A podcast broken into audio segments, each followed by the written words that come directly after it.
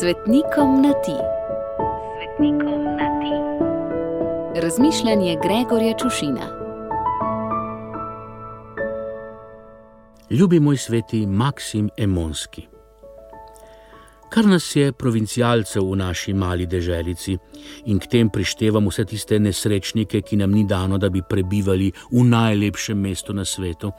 In zato lahko konce tednov, praznične in počitniške dni mirno preživljamo na svojih provincialnih domovih in ne čutimo nobene potrebe po turističnem eksodusu, ki ljubljančane sili, da na vse sončne in pretežno oblačne dneve parkirajo svoje avtomobile po naših dvoriščih in dovoznih poteh, ter nam zasedajo mize in prostor ob šanku v naših oštarijah. Torej, mi, provincialci, vemo, da vlažne meglice, ki pokrivajo Ljubljansko kotlino, in močvara, ki obdaja naše glavno in slavno mesto, ne pomenijo nič dobrega. Tam ti prodajo meglo, če se prej ne pogrezneš v blato. Tam v Ljubljani se vedno nekaj muti. In bom povedal kar naravnost. Očitno to prodajanje megle ni ljubljanski izmislek, ampak sega že v čase Emone. Kaj ti tudi nekaj tvojih podatkov, ljubi moj sveti Maksim, je precej meglenih. V ljubljanski stolnici pod tvojim kipom piše, da si bil ustoličen leta 242 in da si umrl mučeniške smrti leta 252, pa vendar se tvoj podpis bere sto let kasneje pod zapisnikom tako Oglejske sinode leta 381, kot še kasneje Milanske iz leta 390.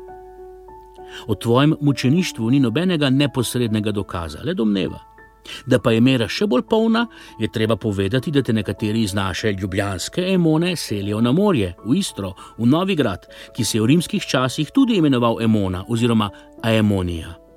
Tam v Ljubljani se vedno nekaj muti. Vendar, ljubi moj Maksim Emonski, nimam nobenega namena izpodbijati ne tvojega obstoja, ne tvojega svetništva. Pošteni ljudje si verjamemo in zaupamo na besedo krščeni, ki smo po definiciji ljudi vere, upanja in ljubezni, pa še toliko bolj. Maksim, podpisan pod oba sinodalna zapisnika, se na teh sinodah boril proti krivovercem, zato mi še na kraj pameti ne pride, da bi pomislil, da je on sam v katerem koli pogledu širil krivo vero. Zato ljubi moj ljubljanski oziroma emonski, a kljub temu sveti škof Maksim, obilo žegna za tvoj god pa nam ga vrni in izline nas. Preženi meglo in če se že moramo v karkoli pogrezniti, naj se pogreznemo v božje naročje.